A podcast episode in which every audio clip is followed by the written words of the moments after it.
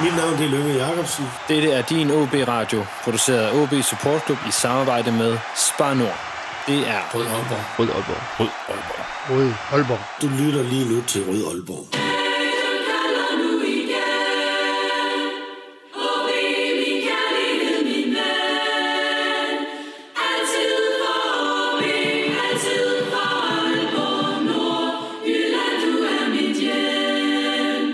Velkommen til den udgave af Rød Aalborg. Mit navn er Lasse Udhegn, og i dag der skal vi snakke om fankultur. Øh, mest med fokus på vores egen verden her i Nordjylland, men vi kommer også til at berøre nogle af de tematikker, som andre fans i landet vil kunne genkende til. Med mig til at snakke om det, som vi kalder gentrificering af fankulturen, er tre stemmer, der alle har fyldt meget på den aalborgensiske scene og på stadion de sidste 10-15 år. Det er Anders Høgh, Frederik Lange og Michael Melsen. I skal nok få lov til at introducere jer selv lige om et øjeblik, men folk i miljøet kender jeg sikkert udmærket. Øh, sige, hører Melsen, der har været med her i Rød Aalborg før. Øh, men ja, lad os, lige til, lad os lige få introduceret ordentligt. Hvor længe har I egentlig kendt hinanden, jer tre, der sidder omkring bordet? Skal jeg tage bolden? Ja, gør du det? Ja, jamen... Øh, Lange var jo med til at starte Auxilia med i, i 2009. Øh, efter han henvendte sig til mig på det hed engang, øh, hed engang øh, hvad hedder Fanaticos forum, hvor at øh, dansk fankultur blev debatteret på kryds og tværs mellem øh, forskellige klubber. Øh, der havde jeg sådan været en del af ATK i nogle år. Øh, men jeg følte på det tidspunkt, at øh, jeg måske havde brug for lidt mere frihed i forhold til at kunne udfolde mig, som jeg gerne ville på tribunen. Og det, på en eller anden måde, så tror jeg, at Lange havde opfattet det. Og så skrev Lange til mig, og så tog det ligesom fart, og så, øh, så stiftede vi Auxilia i, i 2009. Øh, ja, og så var jeg på en Roskilde Festival i 2010. Øh, og så igennem en fælles kammerat, så øh, møder jeg så Anders Høgh, som sidder foran mig her. Ja. og, øh, og han kom så ind i Auxilia i, i 2011, og ja, siden da så har vi egentlig bare klikket godt på ja, både det personlige plan og det plan, der hedder udvikling af fanscenen. Så absolut. Ja. Så vi øh, stod lige udenfor med, med nogen, der skulle have en smøg og noget her lige før. Der, jeg følte i hvert fald, at jeg var trådt ind i en, i en vennegruppe, som, øh, som er meget, meget tæt. Vil I, vil I også sige det selv? Ja, absolut. At, øh, både på, på fanscenen, som Mielsen også siger, men, øh, men absolut også på det personlige niveau, har det i hvert fald udviklet sig til siden 2011, hvor jeg kom med i Auxilia. Ja. Så absolut. Og Lange, han er totalt tavs. Ja, men altså, når man er enig, så, så kan man jo ikke sige noget. Altså, så. Nej, men det var... Altså, vi mødte jo selvfølgelig nok også hinanden i 11. Ja, vi, vi kendte vi hinanden før? Jamen altså, jeg kom jo egentlig til at tænke på, dengang, vi, dengang jeg så lavede øh, undersøgelse til det her øh, podcast her, det var jo...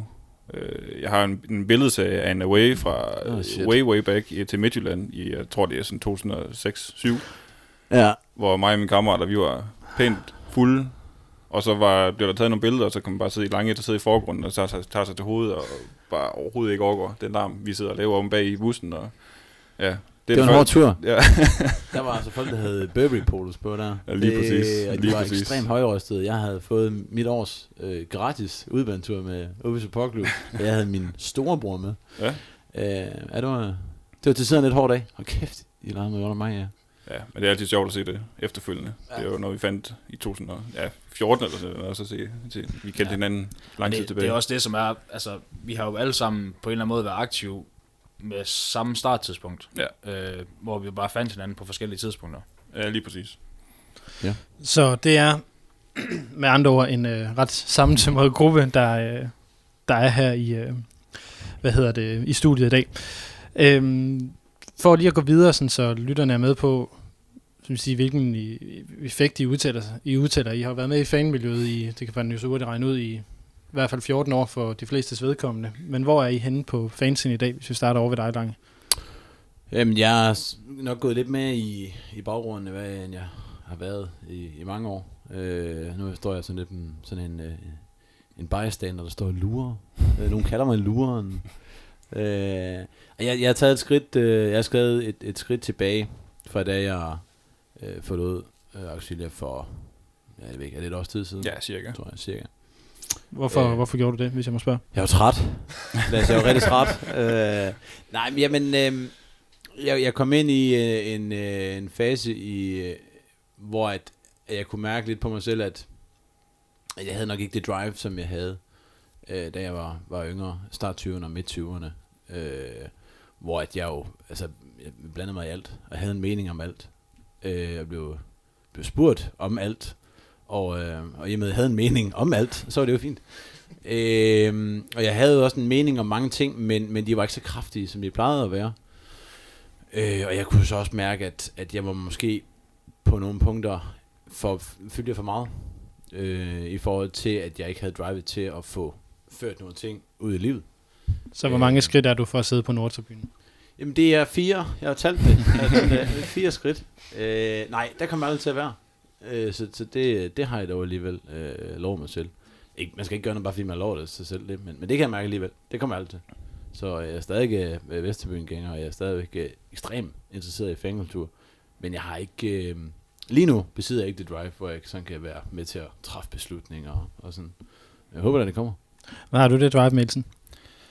Ja, det vil øh, nogen nok sige, jeg har. Øh, det vil jeg egentlig også selv sige, jeg har. Øh, jeg kan, kan jeg vil egentlig kalde mig sådan lidt en blæksprut øh, på fanscenen, hvor jeg sidder som øh, en slags almulig mand i Vesterbyen, og jeg er administrator i supportklubben, øh, øh, initiativtager og deltager til TIFO-værksteder, og jeg har tæt kontakt til vores SLO og klubben omkring øh, diverse initiativer, for eksempel vores samarbejde med Street Ammo, øh, indvielsen af Vesterbyen. Øh, ja, jeg, jeg, jeg vil gerne, og prøver også at have fingeren med i det meste, fordi jeg ikke kan lade være. Så stadigvæk forholdsvis aktiv. Og Høg, at, hvor, er, hvor er du henne?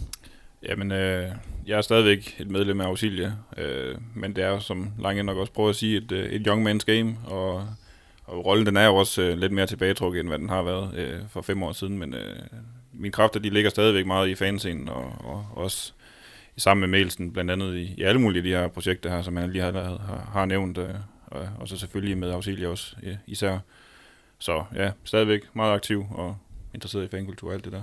Så vil jeg lige så skyde ind, at øh, jeg har aldrig været en del af nogle af de her fraktioner eller lignende, øh, udover at jeg har været på Brygge Away med Asian Army tilbage i 2015, øh, og så er jeg selv medlem af AC ud over min værtsrolle i, i Røde Aalborg her.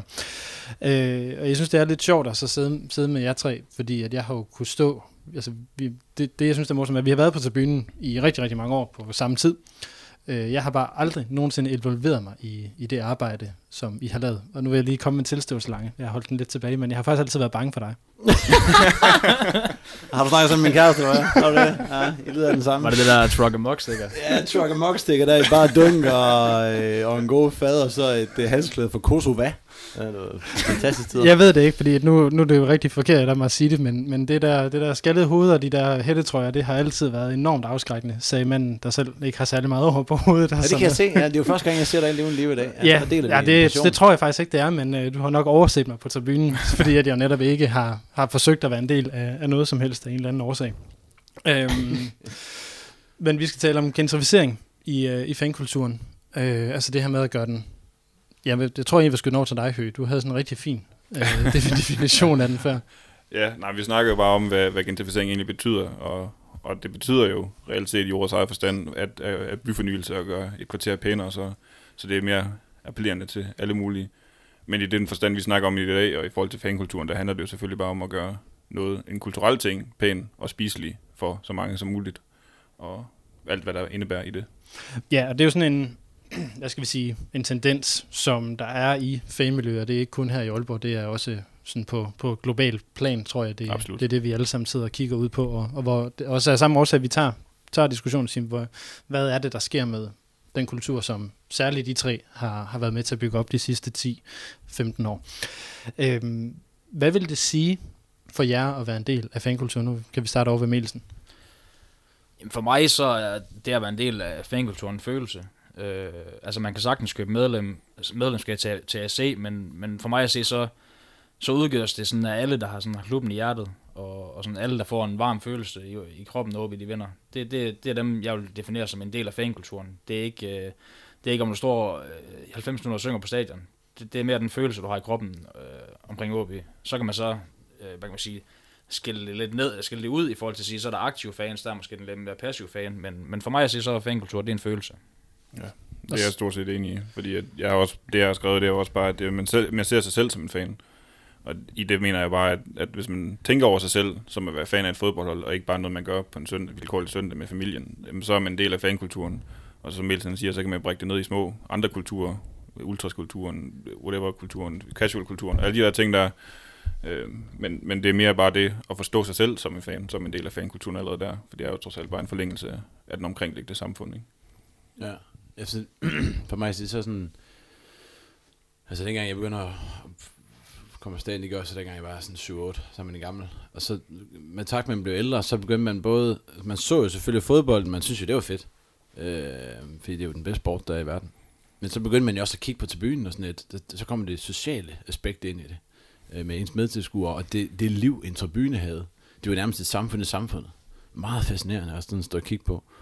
Og samtidig med, at man bliver ældre, og man får større kærlighed til klubben og sporten, så bliver man også mere sådan, hvad kan jeg selv gøre? Altså man higer efter at gøre et eller andet, gøre en forskel, eller skubbe på noget. Øh, og, og når jeg ser tilbage på, hvad jeg sådan selv synes, jeg har bedrevet, og hvad jeg har fået oplevelser tilbage ved at give en indsats, men det, det kan du ikke finde andre steder. Og du skal ikke bilde med ind, at, øh, at andre... Altså, man skal heller ikke negligere andres interesser og sådan noget, passion og sådan noget. Det skal man også passe på med. Men øh, de er fuldt lort. Det er jeg siger, de har fundet noget tilsvarende andet. Jamen, jeg, jeg, jeg vil egentlig gerne lige gribe din bold lidt langt der, fordi at... Øh, i, i, i takt med, at jeg også er blevet ældre, så, så vil jeg sige, at dengang, hvor jeg var sådan, måske lidt mere vild og radikal, der tænkte jeg også, at alle skal være syngende fans, alle skal stå med flag. Men i takt med, at man bliver ældre, så får man også lidt mere nuanceret forståelse for, at, at, at, øh, at ham, der sidder på Nordtribunen, er lige så vigtig som ham, der står og synger. Øh, og, og det er bare vigtigt at have for øje, tror jeg, når man sådan tænker på den samlede fankultur, at, at vi ikke alle sammen er ens. Mm. Vi dykker ned i, i de her ting øh, lige om lidt med, ellers vil sige, nu er vi formentlig klar til at gå, gå sådan rigtigt i gang med den her udsendelse her 12 minutter inden. Mm. Øhm, og jeg vil lige sige, at den her udsendelse den er produceret af OB Support Club i samarbejde med Spar Nord. Og øh, vil sige, nu optager vi den her i november 2020, øh, og det betyder så, at det er en ni måneders tid siden, at øh, paraplyorganisationen Vesterbyen, den kunne fejre 10 års jubilæum, øh, hvor man får Vesterbyens navn tilbage fra Spar Nord, og der har været indvielse osv. Det er selvfølgelig rigtig meget at sige for, hvilken fankultur vi har i, i Aalborg i dag, men jeg vil gerne starte det her med, eller måske der, hvor vi egentlig har lidt været inde, hvad kendetegner den, den fankultur, I, I begyndte at være en del af i, i midten, eller vi, vil jeg måske hellere sige, begyndte at være en del af i, i midten af nullerne. Jeg vil sige, nu er det så højt, at kan få lov til at, at starte den. Oh, jamen, jeg synes, øh, at det var i langt højere grad den bare meget mere præg af, af en fraktionalisering inde på tribunen, og øh, nu snakker når jeg siger tribunen, så siger jeg Vesterbyen, bare lige for at gøre det klart. Men også, også, ja, også for at sige det, at det også giver en bevidsthed om, at det var måske ikke så samlet, man så sig selv som OB-fan. Jeg synes ikke, ikke stadion var samlet på samme måde, som det er i dag. Øhm, der selvfølgelig var der dybe rødder i byen, og de var måske endnu mere tydelige dengang, end de er i dag, og, og at, øh, at fankulturen også gik tilbage til, til hockey, og, og var en stor del af byen i forhold til at dengang i 90'erne, hvor vi fik vores første mesterskaber.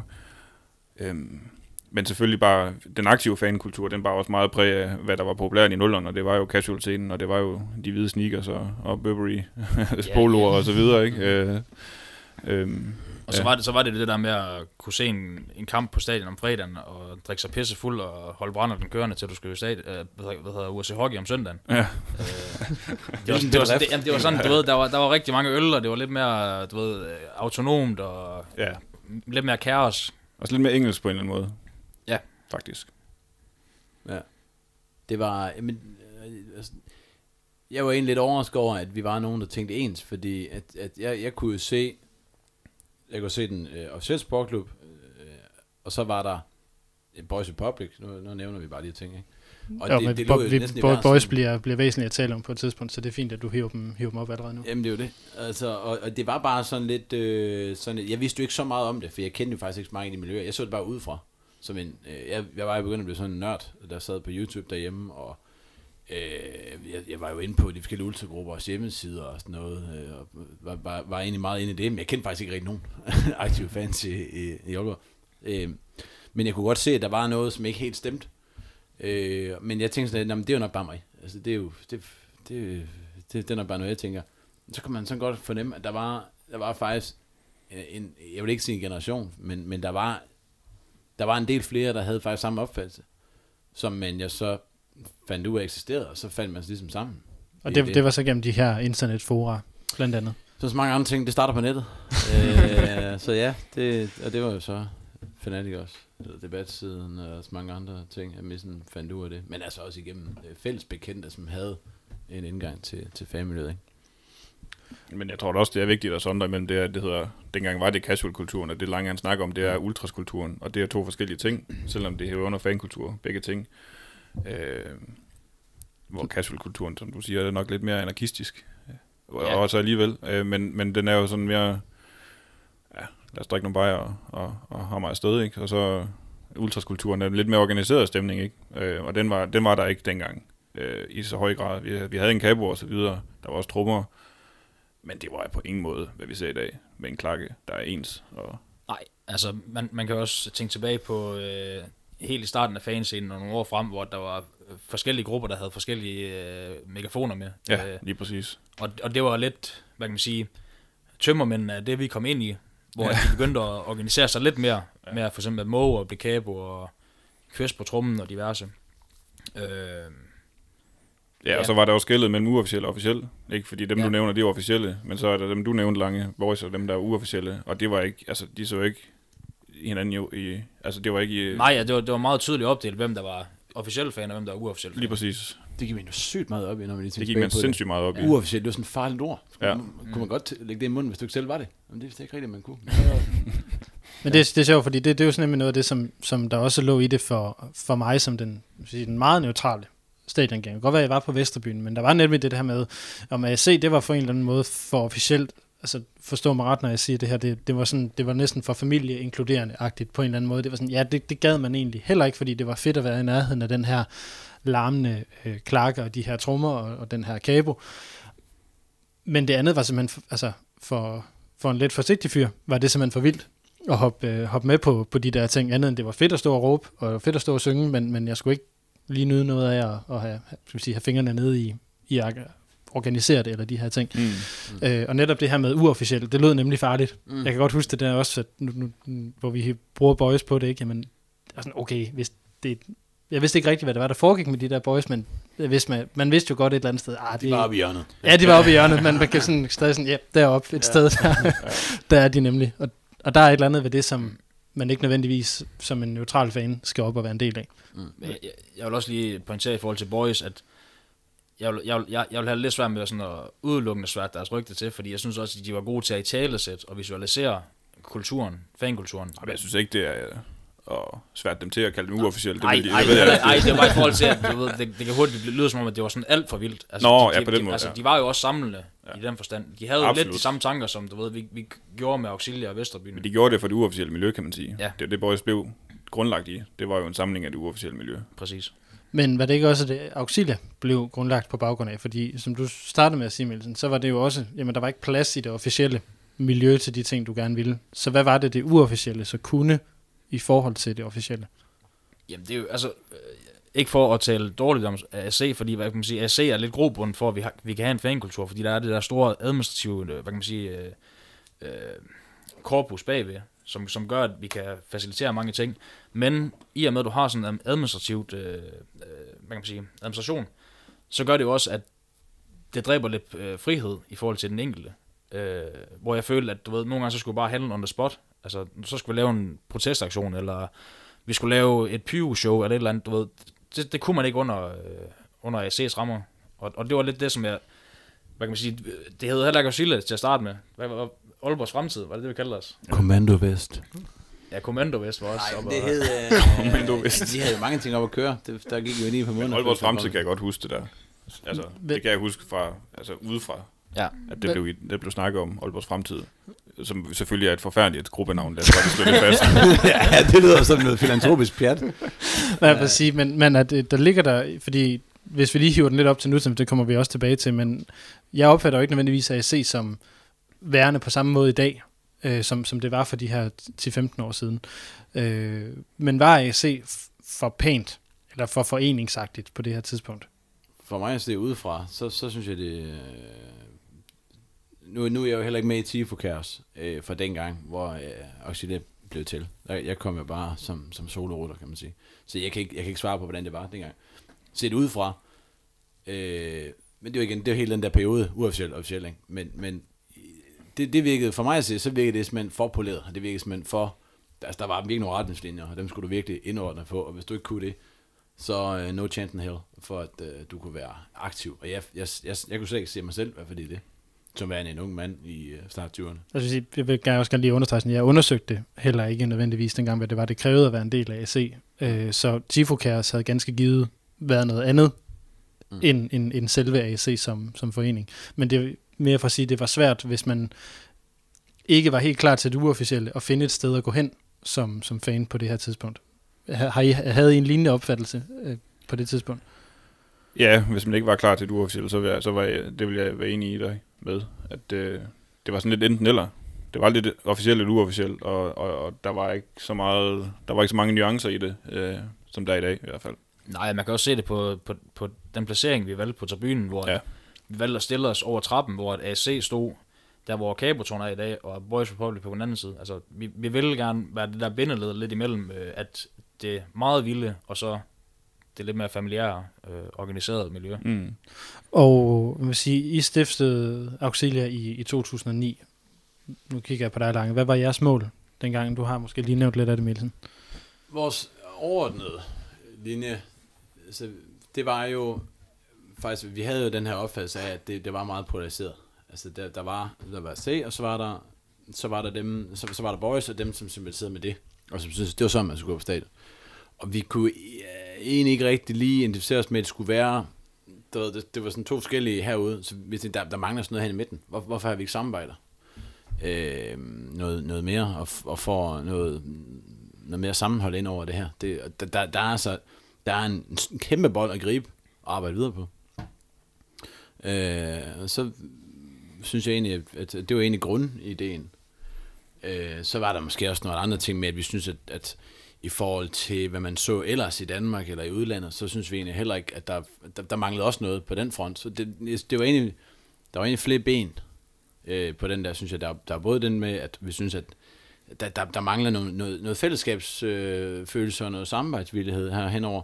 Og også måske, at, at der, var, der manglede faktisk lidt en, en, en bestemt kultur i Aalborg. Og igen, altså jeg, jeg har ikke noget under om boys, fantastiske mennesker, de fleste af dem. øh, men, øh, men, men der, der var et void, som, som vi mente, at, at, at det, det var der sådan noget til at blive taget. Øh, det synes jeg. Og så, så kan man også sige, at hvor et boys måske har været inspireret af mere en kulturstrømning fra Italien og England, så var vi sådan, måske, så kigger vi lidt mere på, øh, hvad specifikke grupper gjorde i Hammerby, eller specifikke grupper gjorde i Rapid Wien, Sampdoria, øh, og, og prøvede sådan at emulere det på en eller anden måde. Ja. Øh, det var helt klart store inspirationskilder, øh, også med fremkomsten af, af YouTube, hvor man kunne se ja. af skolevideoen og hmm. diverse. Hø, øh, du blev så medlem der i 11, ja. hvor, hvor AUX har eksisteret i nogle år. Hvad synes du kendetegnede Auxilia, når, før, du, før du blev med? Det var øh, det er netop det, de lige har snakket om her, at det, det, er, det var ultraskulturen, der blev repræsenteret i Aalborg øh, for første gang på den måde, som vi så det gøre der. Og det var jo med, med pyroteknik og flag, og hvad, den gamle italienske skole, ikke? Altså den, og, og så selvfølgelig alt, hvad vi ser i, i Polen og i Tyskland og i, i Frankrig og så videre, men, men, men det var den kultur, som jeg synes som jeg altid har været fascineret af. Den var jeg også fascineret af, da jeg startede, og det var også de videoer, jeg så stod og startede med, men, men, men, men den uofficielle kultur i Aalborg var jo mere præget, altså Melsen siger, engelsk og, og de nye italienske øh, kulturer.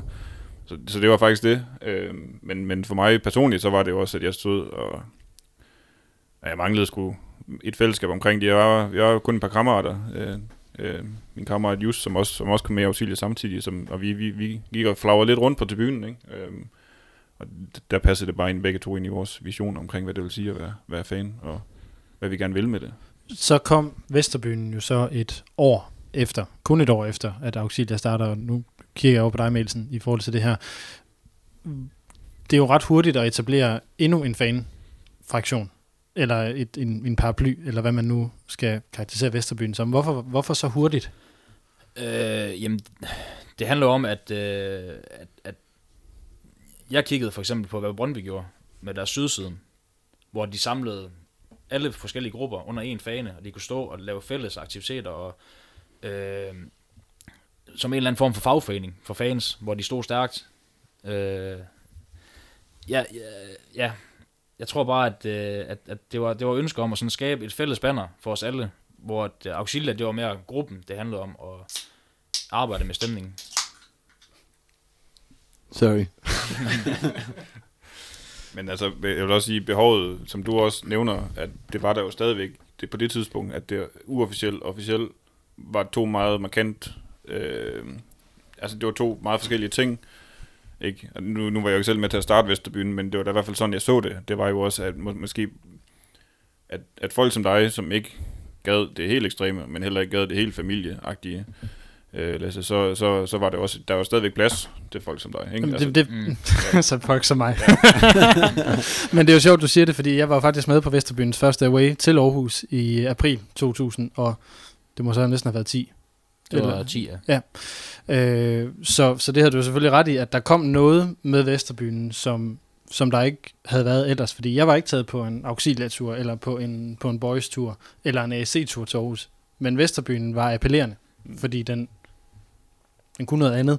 Altså, den blev samlende, men jeg ved, ikke, jeg ved ikke lige, hvad det var, der gjorde det dengang, om det simpelthen bare var fordi, at man rakte ud til alle og sagde, Jamen, at alle kunne være med. Vi, vi gjorde for eksempel det, at, at øh, den tur til Aarhus, det var en togtur. Ja, så så det- jeg har altid foretrukket togtur faktisk, frem for Ja. de der busser. Men, Men det, sådan gjorde, det gjorde det nemt at komme med på udvandstur. At du kunne bare træde ind i et tog, og så var du med på Vesterbyens tur. Frem for at øh, i gamle dage skulle du være medlem af en gruppe for at komme med på Auxilias tur, eller du skulle ind på nettet for at bestille en AC-tur. Her kunne du bare træde ind i et fællesskab, og så var du der. Så var du en del af Vesterbyen. Jamen, det, det, det tror jeg faktisk, du har ret i, var en af de, de, de afgørende ting, at det blev nemt. Det blev meget nemt at få lov til at være med. Øh, og der har jeg så heldigvis været med på mange af de der ture siden. Mest forfærdelige nede i Odense. Men den skal vi Oh nok shit. ikke. den skal vi ikke snakke om. Der var for, ja, forfærdelig. Men er Vesterbyen, er det også her, hvor den her gentrificering af fankulturen, den starter i virkeligheden?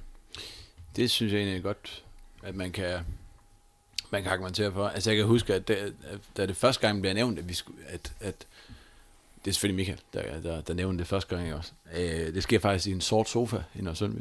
Øh, og, og jeg er sådan lidt, hold up, hold up, hold up.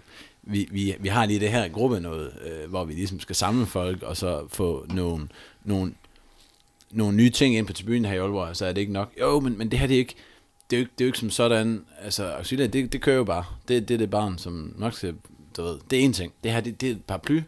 Det er bevægelsen. Drenge, kan du ikke se det? Jo, jo. Øh, det kan jeg da. Men, men stille og roligt, så var jeg sådan lidt, okay, det her det lyder fucking fedt. Fordi Michael i tale satte noget, som jeg egentlig også mm, måske lidt selv, jeg havde nok tænkt over det, jeg bare ikke tænkt så meget over det. Men Michael han fik ligesom øh, sat ord på, at der, der mangler, altså vi har så stort potentiale, men der mangler en eller anden form for, for fællesskabsfølelse. Øh, et overvejende fællesskab, som, som, som AUX er jo en lille del af, men, men jo sammen skal være sådan en, en drivkraft for os alle, hvor vi på sigt kan få flere ind og flere, og, og vi, vi, altså, der er sådan så mange, der, der er så meget potentiale i det. Øh, så, så ja, der, det var sådan lidt en fornyelse, i hvert fald, i hvert fald i Aalborg, men man havde jo set det nogle andre steder, at man begyndte at lave nogle lidt mere overordnede tiltag, altså sådan en paraplybevægelser. Øh, så, så på den måde ved jeg ikke, om vi er unikke. Altså Vesterbyen er unik på den måde, det fungerer på, og hvad vi indeholder. Øh, men jo, jeg- det, det, det, var jo en, det var en helt ny ting. Jeg synes ikke, jeg, jeg kan ikke huske, der er sket noget i Aalborg på den øh, front, på den samme måde. Nu sta- startede med at stille spørgsmål omkring det der, at gentrificeringen startede, ikke? Mm. Øh, og der vil jeg godt nok argumentere mod, at det, det var det ikke, synes jeg ikke, i Aalborgs fankultur, fordi for mig at se, og jeg kom ud fra, jeg kom jo ligesom du gjorde med den første away og alle de her ting her, og ja, det blev mere tilgængeligt, men jeg synes ikke, tilgængelighed er det samme, øh, som at gøre det pænt, fordi som du nok også husker fra den togtur, det var ikke en pæn tur, altså, Nej, nej, det var det ikke. det var det ikke. Til gengæld var det en fantastisk eftermiddag inde på, hvad hedder det, telefontoget i Aarhus, kan jeg huske. Det var det. Jamen, det var fedt. Det var en mega fed dag. Lige præcis, og, og, men, men selvom jeg synes, jeg er enig med, at det bliver mere, gjort mere tilgængeligt, og det gjorde det med en vision og alle de her ting her, så synes jeg ikke, at gentrificeringen startede der, altså i hvert fald, eller hvis den overhovedet er startet i Aalborg, det er jo også et spørgsmål. Mm. Men jeg synes, og det er jo også, i mit arbejde med Vesterbyen, har det jo også altid været, været fokus på at skulle formidle den kultur, vi synes er, er korrekt. øh, i den forstand, at, at, at det er jo den kultur, som, som I startede Auxilie med også, men, men, men, men som mere tilgængelig i og med, at det ikke er, det handler ikke om gruppen, det handler om, om fællesskab og kulturen mere end det, men mere end det gør. Jamen, Øh, jamen, det er også det, fordi for mig at se, så handler det ikke om, at vi skal tilpasse os, hvad samfundet mener. Det er Nej. mere, at samfundet skal lære at tilpasse sig os, og Ja, opnå en bredere enig. forståelse for, hvad fankultur er. præcis. Det, det, var, det var det, som hvad kan man sige, var, var den helt store drivkraft i at lave Vesterbyen. Det var jo netop det der med, at herre fra Danmark i godstegn skulle øh, forstå, hvad det var, altså der drev os. At, at, det ikke var, at det ikke var vold, men det var passion, og det var kærlighed. Og det var det også det, der var en, en grundtanke for, for Vesterbyen, fordi nu, nu, nu talte vi før om, om, om casual og ultraskultur, fordi for mig at se, der er Vesterbyen jo en udbredt ultras ting i virkeligheden. Fordi der er flagene, der er merchandisen, der er logoerne, som man ligesom kan samles om. Og jeg ved ikke, vi talte lidt om det, inden vi, inden vi, vi tændte for mikrofoner her, men det er nemmere for mig at tage en Aalborg Originals trøje på, end det er, også fordi det er en gruppeting, men, men at tage en Auxilia trøje på, eller at tage en øh, Asian trøje på, eller hvad fanden der nu, hvad fanden der nu er, ellers er af, af, af gruppe øh, symboler derude.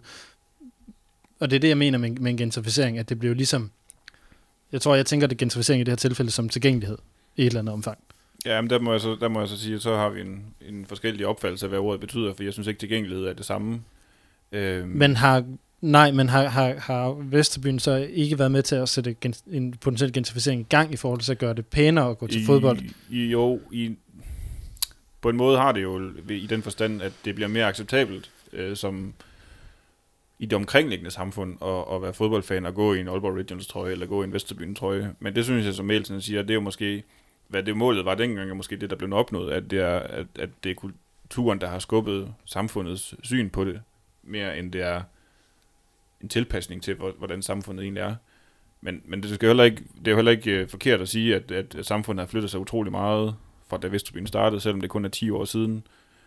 Øhm, Altså, der er også mange andre tiltag. Vi, vi skal huske, at der er også kommet en, en, øh, en anden tilgang fra politiet til, til det her Jamen, afvikle fodboldkampe, som også er ret, ret essentielt i det her, at der er et dialogkoncept, som har banket antallet af anholdelser ned til et, til et minimum i forhold til, hvad det, hvad det var for 15 år siden. Mm. nemlig. Og, og det var for eksempel noget, som vi var med til i starten af både Auxilia og Vesterbyen. Det var jo netop at være med inde ved politiet og fortælle om, hvad vi rent faktisk er, hvad, hvad vi er for nogle mennesker som fans. Hvor så, i stedet for at det er bare os og dem, så finder vi ud af en fodboldkamp sammen. Og den fungerer måske ikke så godt i det, den dialog, øh, det dialogkoncept, som det har gjort, men det er stadig teorier, de arbejder med den dag i dag. Ja, og der, i den forstand, der kan du jo ret i, at gentrificeringen er startet med Vesterbyen, fordi man har gjort det pænere, men man har gjort det pænere i den forstand, alle vinder ved det. Altså, det, det er nødvendigvis ikke det samme som... I gentrificering, der er også en taber, som jeg ser det. Og hvem er taberen i det? øh, generelt. Ja. Øh, jamen gentrificering, hvis vi tager ordets oprindelige betydning, så er det jo de folk, der bor i det kvarter, der bliver gentrificeret til at starte med jo. Så det er dem, der bor på Nørrebro, som har fået ødelagt kvarteret af, at øh, det er blevet rigtig hipt at bo der, så nu Lige flytter præcis. alle derover. Lige præcis. Og nu er det blevet dyrt at bo der, og de har ikke råd til at bo der mere. Og i stedet for en kiosk, så har de en, en kaffebar, som serverer kaffe til 56 kroner af koppen. Og ja, Det lyder som om, du blev ramt af det her Jamen, jamen det, kaffe. jeg føler mig okay. også personligt ramt af dyr kaffe, det gør jeg jo. Så Men det er bare for at sige, at for mig at se, så hvis der er plads, stadigvæk er plads til, til de ekstreme elementer, så er der stadigvæk ikke nogen, der er tabt ved det. Men det er jo så de- der, debatten ligger, synes jeg, for mig i hvert fald. jamen, det er jo jeg forhold spørge, er I andre, er I andre enige i det? Altså, at, at der er tabere med gentrificering? Ja. Men det... det hvis, hvis du snakker det konkrete eksempel med Nørrebro og sådan noget. Ja. Jamen, nu vil jeg hellere snakke det er jo fankultur. også- Jamen, det er også det, er derfor, også, jeg- det starter på et uforretfærdigt grundlag. Jamen, at jeg det er også- jeg var også København lige ved og at så sige, videre, det- det Jamen, okay. jamen det er det. For mig så, altså, altså for mig så handler øh, altså, gentrificering om, at der er nogen, der taber, og det er dem, som hvad kan man sige, har været en del af en ægte kultur. Og for Ja. mig at se, så har vi aldrig tænkt gentrificeringstanker. Vi har mere tænkt, at vi, vi vil bevare en ægte kultur, men vi vil åbne den ægte kultur op Det er også sådan, jeg ser på det. og gøre den lettere tilgængelig. Vi har Og, ikke taget... der, Men men, altså- men, og, hvad kan man sige, man, man, man, man, når man gør det, så giver man også øh, omverdenen mulighed for at korrumpere den kultur, som man, hvad kan man sige, åbner op. Ja, fordi man lader giver andre lov til at have indflydelse på den. Ja. Men er det ikke også gentrificering? Jeg skulle lige sige, fordi at vi, der er ikke nogen her i det her lokale her, der vil, der vil sige det, men, men, men, men den Men voldelige side af casual-scenen, -agtigt, ikke? altså den, den, er der også nogen, der vil føle, at det var den ægte kultur. At det var den risiko, når man tog til en fodboldkamp, og der var en risiko for, at man kom og slås, og alle de her ting her, det er der også, det vil jeg jo godt ved med, der, det kan vi finde rimelig mange, der vil sige, at det var også en del af den ægte kultur. Ikke den kultur, som Auxilia prøvede at, at, at tage ind i og så videre, men, men der er jo sket et skifte også derfra. Mm. Der er også sket det her andet skifte med, at vi jo ser i dag langt flere kvinder på tribunen, end vi havde i nullerne og i, i starten af, af, af tierne. Og nu smider jeg jo så lige en ting op, som, som jeg ved har været et, et tema i Auxilia. Det her med, at må kvinder komme med på bustur. Og hvorfor, det, altså for en, som står uden for fankulturen, kan det jo virke som et fuldstændig vanvittigt ting at skal diskutere i 2020.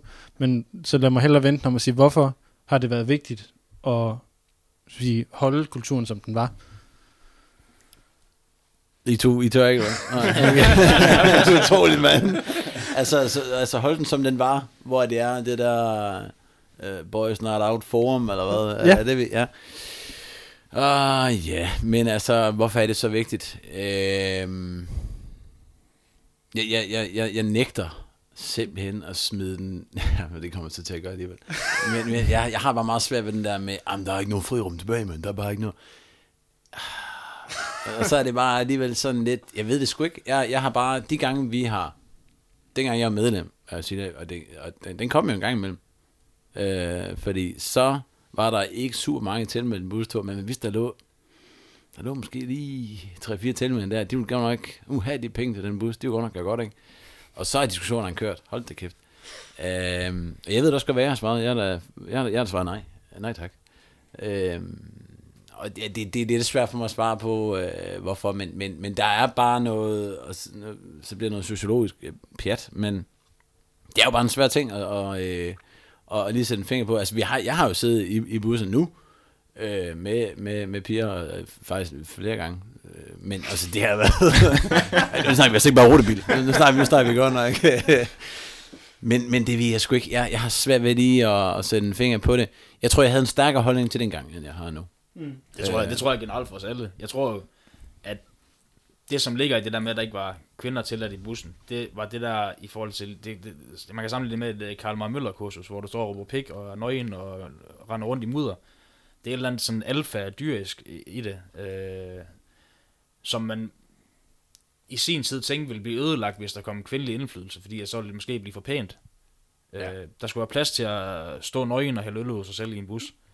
Jeg tror også, og det, det her det er skidt, men, men jeg tror også, at det, det handlede lidt om, at, at der var mange, der sagde til mig, prøv at det, det, det dur ikke.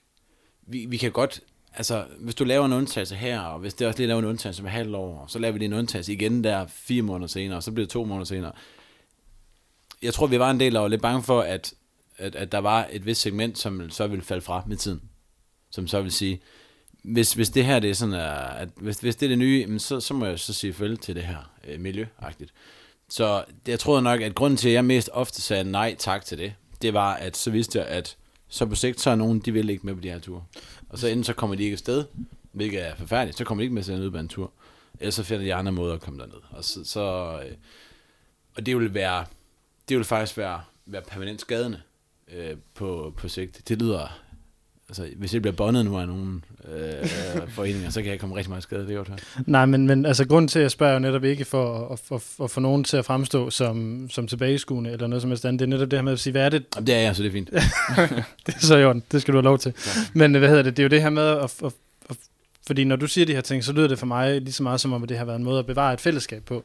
Fordi det vil jeg også gerne stå, stå på mål for. Jeg har også stået for altså, herre- eller drengearrangement, eller hvad fanden man kalder det, fordi der er en anden dynamik, og det, øh, det, det tror jeg, vi alle, også kvinder, der, der ligesom er det, vil, vil sige, og vil også lige tilføje i det her tilfælde, eller i, i, nu, nu vi taler om det her, at der er også blevet spurgt øh, om, om hvorvidt, øh, eller nogle af de kvindelige medlemmer, der er i bestyrelsen i AC, og andre steder, om de havde lyst til at være med i den her podcast, men langt de fleste, de, eller alle sammen har faktisk sagt, de har ikke lyst til at være med, bare fordi de er kvinder, der skal ind og tale om det her, fordi de føler sig som fans mm. og en del af tribunen Præcis, på, på, på, på samme måde.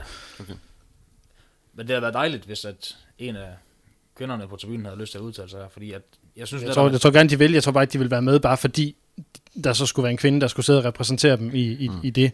Mm. Og apropos at tage den her diskussion, så apropos forret, så er det måske også nemmere godt være, det, det er offentligt det her, men det er måske nemmere at sige det, fordi vi kun sidder fire mænd mm. i, i, i det samme lokale her. Øh, men er, er det så gentrificering? Jeg er jo så nødt til at spørge igen, at, at få flere kvinder ind på tribunen, eller hvad har det givet, vil jeg så måske hellere spørge, øh, at der er kommet flere ind på tribunen?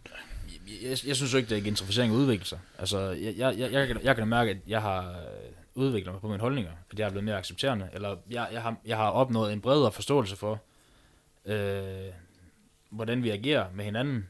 Og jeg, når jeg står på tribunen, så tænker jeg netop ikke længere, om det er en kvinde eller en mand, jeg står ved siden af. Jeg tænker bare, at det er en fan, som jeg forlanger det samme med, hvad køn det er. Jeg forlanger bare, når jeg står ved siden af en på tribunen, at vi står og synger. Så er jeg ligeglad med, om det er en mand eller en kvinde. Og vi kan hygge os lige meget med hinanden, hvilket køn det er.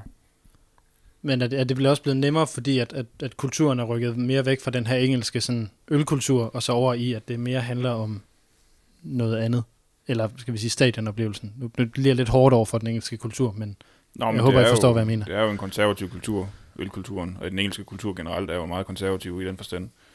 Øhm, så jo, det er da helt klart rykket noget, men jeg må, jeg må, jeg må sige også, altså, og det er ikke for at feje for en dør eller noget som helst, det er, jeg har aldrig nogensinde haft en holdning til det der med, med, med om kvinderne er, fordi jeg har altid tænkt på det som kulturelt ting, og mine venskaber og fællesskaber, det sociale i det, det har altid lagt, hvad skal man kalde det, ud over, ud over hvad hedder det, det kulturelle for mig, at når jeg sidder og ser Melsen og Lange som, som rigtig gode venner, så, så har det selvfølgelig noget at gøre med fodbold, men det har også mere og mere at gøre med andre ting. Og der er så føler jeg også lidt øh, unik i den forstand, at det, de mange ligger rigtig meget vægt i det der fællesskab der, så jeg har aldrig nogensinde sagt imod, hvis folk ikke vil have kvinder på tribunen og så videre, eller ikke på tribunen, men i bussen. Fordi hvis det er det, der gør, at fællesskab er så godt, som det er, jamen så fred være med det. Øh, og det tror jeg bare, at der er mange, der vokser op med, igennem den engelske kultur, alle de her ting her. Men jeg vil sige, altså fordi, da vi, hvis vi går way back, og vi siger, hvordan var, hvordan var tribunekulturen der i nullerne, som vi snakker om til at starte med, jamen, der var der satme ikke særlig mange kvinder. Især, især ikke på Aways, og især ikke på de uofficielle busser. Der var faktisk ikke nogen øh, i de uofficielle miljø, sådan rigtigt i hvert fald. Der var jo selvfølgelig et par stykker, der var ude at drikke øl og så videre, men, men det var jo ikke, øh, det er ikke på samme måde, som man ser i dag, hvor, hvor der er flere kvinder, der også har engageret sig i den her kultur her. Og det har jo bare været naturligt, at, at, at engagement også åbner døre, og, og, og passion åbner også døre mm. i, i, i fankulturen. Så for mig at se har det bare været en naturlig udvikling, der er kommet i, at, at det andet segment af befolkningen har fået den samme interesse som... som så nu er jeg nødt, er nødt til at stille spørgsmålet, at det også, har I også bare lært, at, at, at nu kigger jeg jo på dig, Lange, beklager, men hvad hedder det? har, I, har I så også bare lært, at man kvinder er ikke farlige at have med på tribunen? Nej, det har jeg ikke lært noget Nej, Nej, men det, men altså, det er spørgsmålet, ikke? Ja, men jeg, jeg ved ikke. Jeg, altså, dengang jeg begyndte at komme med i fangenturen, der, der, var, der var kvinder og fangentur, det var sådan, det var ikke, det var ikke en integreret del det var ikke noget, jeg havde valgt. Det var bare sådan, det var. Øh, altså, altså så, så går tiden, og så, øh, så, så er der så et segment, som, som begynder at fatte interesse for det. Øh, Øh, der kan man have to valg. Det kan man, man kan være sådan lidt, nej, det gider jeg ikke at, at, at egentlig have noget med at gøre. Og så kan man være afvisende over for det. Øh, man bare kan være, i mine øjne, almindelig. Og per se inkluderende, men det er ikke sådan, at jeg virkelig har skrevet til dem, husk nu at komme til bold og sådan noget. Altså, det er ikke sådan, der er ikke noget, der er ikke noget særbehandling over det. Det, ja, det er sådan noget kultur, som hvis, hvis du åbærer, og som det Mian siger, hvis du åbærer, så er du Jeg, jeg, har ikke, jeg har ikke en stor holdning til, om, altså, hvad, hvad køn du har. Det, det, det rager mig egentlig. Altså, hvad, hvad det er på, på tribunen. Jeg har også Michael han er meget ret i, når han siger, at jeg har det på samme måde, men man bliver mere øh, moden jeg havde nogle forestillinger, dengang jeg startede, men det er jo fordi, at det, jeg, jeg så på, på, hvad jeg så, og, hvad, hvad, og så kunne jeg jo egentlig bare se mig selv, lidt tillægge mig de samme værdier, hvis man kan kalde det det, fordi det var normen, det var normalen.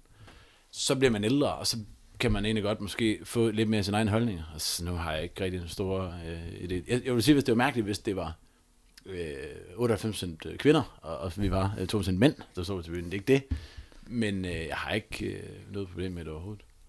Altså det vil jeg sige for, for personligt, så det har jeg sådan set heller ikke, fordi det, det, jeg har faktisk heller ikke rigtig tænkt over det, før jeg skulle til at lave et oplæg til den her udsendelse, hvor det sådan bare går op for mig. Jeg ser egentlig bare flere kvinder nu, end jeg gjorde tidligere, uden at der sådan har været en dybere overvejelse omkring, hvorfor det er sket, eller hvorfor det ikke har været der tidligere.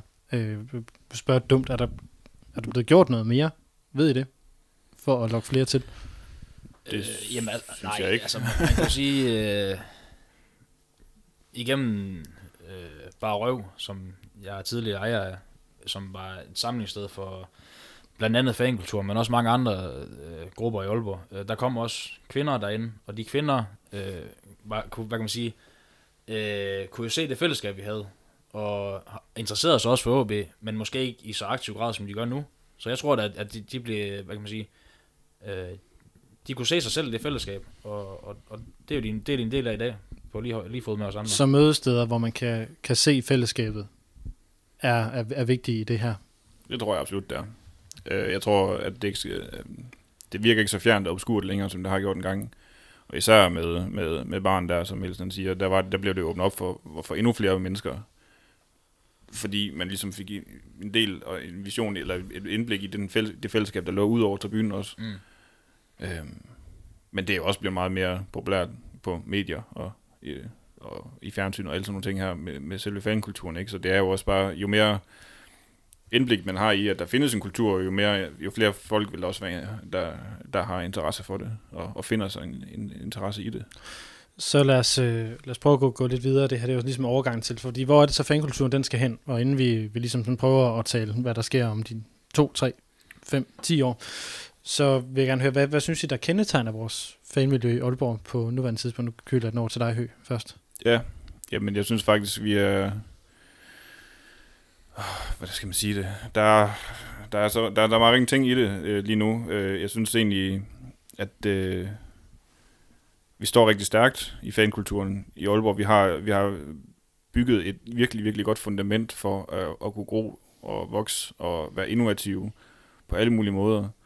Øhm, jeg synes bare, at den her podcast, der, den, den afspejler det en lille smule. Øh, jeg synes, vi har plads til meget mere, end vi havde før, og jeg synes, ultraskulturen vokser, og den bliver bedre og stærkere. Øh, den gængse fankultur bliver bedre og stærkere, og vi har samarbejdet med klubben bliver bedre og stærkere. Det, er sådan, det, det virker som om, at der er sådan en samhørighed i det at være OB-fan i højere grad, og, og fankulturen i sig selv er mere udbredt blandt også de aktører, der er på stadion. Øh, at, at det er et fællesskab, man er sammen om, men med den respekt for, at man gerne vil tingene anderledes. Øh, den, den, den synes jeg er mere evident, end nogensinde har været, og det synes jeg også, kulturen afspejler sig i nu. Øh, der er mere voldsomme elementer, end der har været før, og der er også mere fredelige elementer, end der har været før, men de alle sammen øh, går under samme fane nu, og det, det, det, det synes jeg er et unikt tidspunkt i, i, i, i vores fankultur i Aalborg. Og som jeg nævnte, øh, inden vi øh, hvad hedder, skulle til at sende her, øh, at, at jeg føler på en eller anden måde, der er kommet mange usagte ting på en positiv måde. At folk har opnået en større forståelse for, hvad der kræves for at opretholde en, en fankultur. Altså, folk dukker op til tifo folk øh, er med til at sætte banner op, folk øh, forstår, hvornår de skal synkronklap. Øh, du ved, øh, det, det mål, vi havde med Vesterbyen i sin tid, med at uddanne folk, det har, det har været vores mål. At, at vi gerne vil uddanne folk til at, mm. hvad kan man sige, øh, skabe bedre stemning. De ting, synes jeg, vi kan se i dag, blandt de folk, der er kommet til i løbet af de sidste 10 år. Øh, og det er der, jeg føler, vi står, at, at der er mange ting, som folk bare forstår, uden at, du ved, vi skal sige til dem, om du skal gøre det her. Det ligger der bare. Mm. Der kom lidt mere kulturel forståelse, og øh, forståelse for fodboldkultur, synes jeg, på de der 10-12 år, siden jeg startede. Øh, ikke fordi jeg havde jo ikke nogen fodboldforståelse heller. Overhovedet. Jo, altså, nok fodboldkultur, øh, altså sådan, hvad, hvad der sker ude i verden og sådan noget. Men det var jo ikke fordi, jeg havde taget en Ph.D. i fuck ja, øh, på tribunen, før jeg så tog hjem, og så tænkte, nu skal jeg bare starte med øh, men, men, men vi har i hvert fald øh, nogle gange øh, kigget på hinanden midt under en, øh, midt under en kamp i anden halvleg og tænkt, hvad, hvad fuck er der foregår? Folk fatter ikke noget. Øh, den, den, den, øh, den, den oplevelse har jeg ikke så tit længere. Det sker faktisk sjældent. Og men så har man mere sådan en, hold kæft mand, man bliver sådan pisse stolt, når man kigger ned. Både på grund af antal, men også på grund af opførsel og, og engagement og sådan noget. Det, det er pisse fedt. Og vil sige, er I bange for, at, fordi det er jo det, der ligger i det her gentrificeringsord, det her, øh, måske glemt at sige, at der, det er jo fordi, vi taler om det, fordi at, at jeg går ud fra, at vi alle sidder her og kigger på et family og tænker, at vi er bange for, at det bliver, det mister sin kant, eller det bliver udvandet, eller det bliver, måske sige, at, jeg bare, at man er bange for, at det bliver pop. Og nu køler jeg over til dig igen. Hvorfor er det, at, at det er et problem, at det bliver pænt, eller poppet, eller hvad vi nu siger? Jamen, så Altså for mig, der, der starter frygten igen tilbage i, i, i fodboldens moderland, øh, og vi kigger, hvis vi kigger på den engelske kultur, den er jo non-eksisterende nu, og vi har jo der er rigtig mange tiltag, der er blevet gjort derovre, øh, som, som har ødelagt rigtig meget af fankulturen, men, men der er også bare hele selve monetariseringen af passionen, der er foregået i de, især i de store klubber, og hvor øh, Liverpool selvfølgelig har, afhængig af hvad perspektivet, gjort det rigtig, rigtig godt, eller hvad man nu kalder det, ikke? Øh, vi har, vi har jo, altså, hvor vi ser Champions League-finaler, hvor de sidder over i, i, på et stadion i København og fyrer romerlyser i tusindvis af, og, og til, en, på, til et stort storskærmsarrangement. Og der sidder folk, der aldrig har været på Anfield Road og, og så videre, og, og, og der betaler penge ind til alle de her ting her. Og det er bare en stor pengestrøm. Øh, det er det eneste, det handler om. Og det er det, og det må jeg så ked af at, at, at, at provokere alle de her engelske fans, som der nu også er i fanmiljøet, men, men det er den frygt, jeg går med, og det er den, den frygt med, at, det, det det, der tager det væk fra det, for at det bliver et produkt, som vi kan sælge globalt, og ikke, ikke til dem, der er rundt omkring, og dem, der putter tiden i det, men til dem, der er mest pengestærk. Og for Liverpool, der er det jo så selvfølgelig skandinavier og kinesere.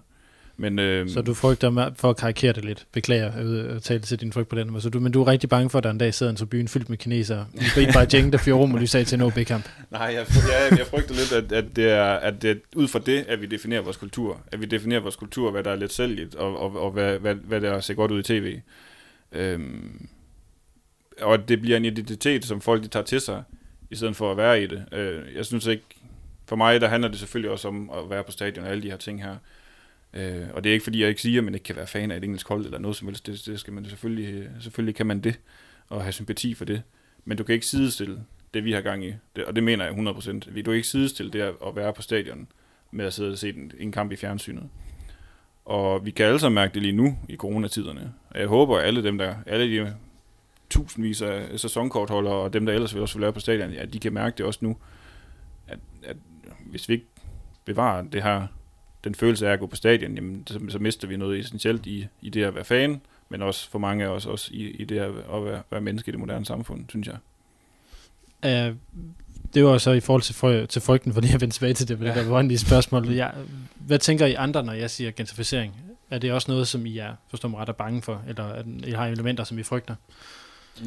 Jeg ved ikke, om jeg har været bange for det, fordi når jeg sådan lige tænker tilbage på, hvad den, altså, selv har haft min, min gang i, i Auxilia på tribunen, og det, det jeg ligesom har argumenteret for, at var nogle ting, vi skulle gøre, og, og så videre, så, så synes jeg egentlig at tit, at jeg har valgt den, øh, den inkluderende løsning øh, til tider, når det i hvert fald handlede om, om noget, som ikke kun havde noget med, med Auxilia som grupper gør, øh, som godt kunne have noget med, så, altså sådan, med, med, som kunne have en effekt på nogle andre dele, så har jeg egentlig været meget inkluderende. Det har jeg faktisk også nogle gange fundet hug for at jeg tænkte lidt for, for, for meget stort, i stedet for at være lidt for, nu skal du også lige tænke på vores egen øh, baggård. Så jeg, jeg, jeg, jeg er ikke så bange for det på den måde. Selvfølgelig, Høs eksempel er jo, er jo det værste. Altså, det er jo, det er jo fuldstændig... Du vil heller ikke have kineser, der sidder med rom og lys. Jeg vil gerne have kineser, de skal bare ikke komme til fod. Der er jo langt fra Aalborg til Liverpool. Især i... Altså, ja, ja. Det ved jeg godt, jeg karikerer det. Ja, ja. Men jeg vil også sige, for mig så handler det også om, at øh, det er med at finde den der balance, hvor det ikke bliver for nemt at være at kunne kalde sig øh, aktiv fan. Mm. Altså, du skal ikke, du er ikke aktiv fan, bare fordi du køber en original trøje. Og det synes jeg er vigtigt i forhold til, når vi, når vi sådan tænker på den strategi, vi lægger, at vi skal også, hvad kan man sige, gøre det attraktivt at være aktiv fan. Og du skal, og vi prøver også at, hvad kan man sige, øh, få de folk ind omkring miljøet, som også brænder for OB. De skal ikke brænde for kun fankulturen i min, i min optik. Det skal også være fordi, at du rent faktisk synes, at OB øh, er spændende at følge. Øh, så ah, tager vi tråden på det. lad, os, lad os gå videre. Det, øhm, så hvor ser I så fankulturen den skal hen i forhold til, hvad den skal acceptere? Altså måske også i forhold til, til, til hvad du siger, Michael, i forhold til, hvad den skal...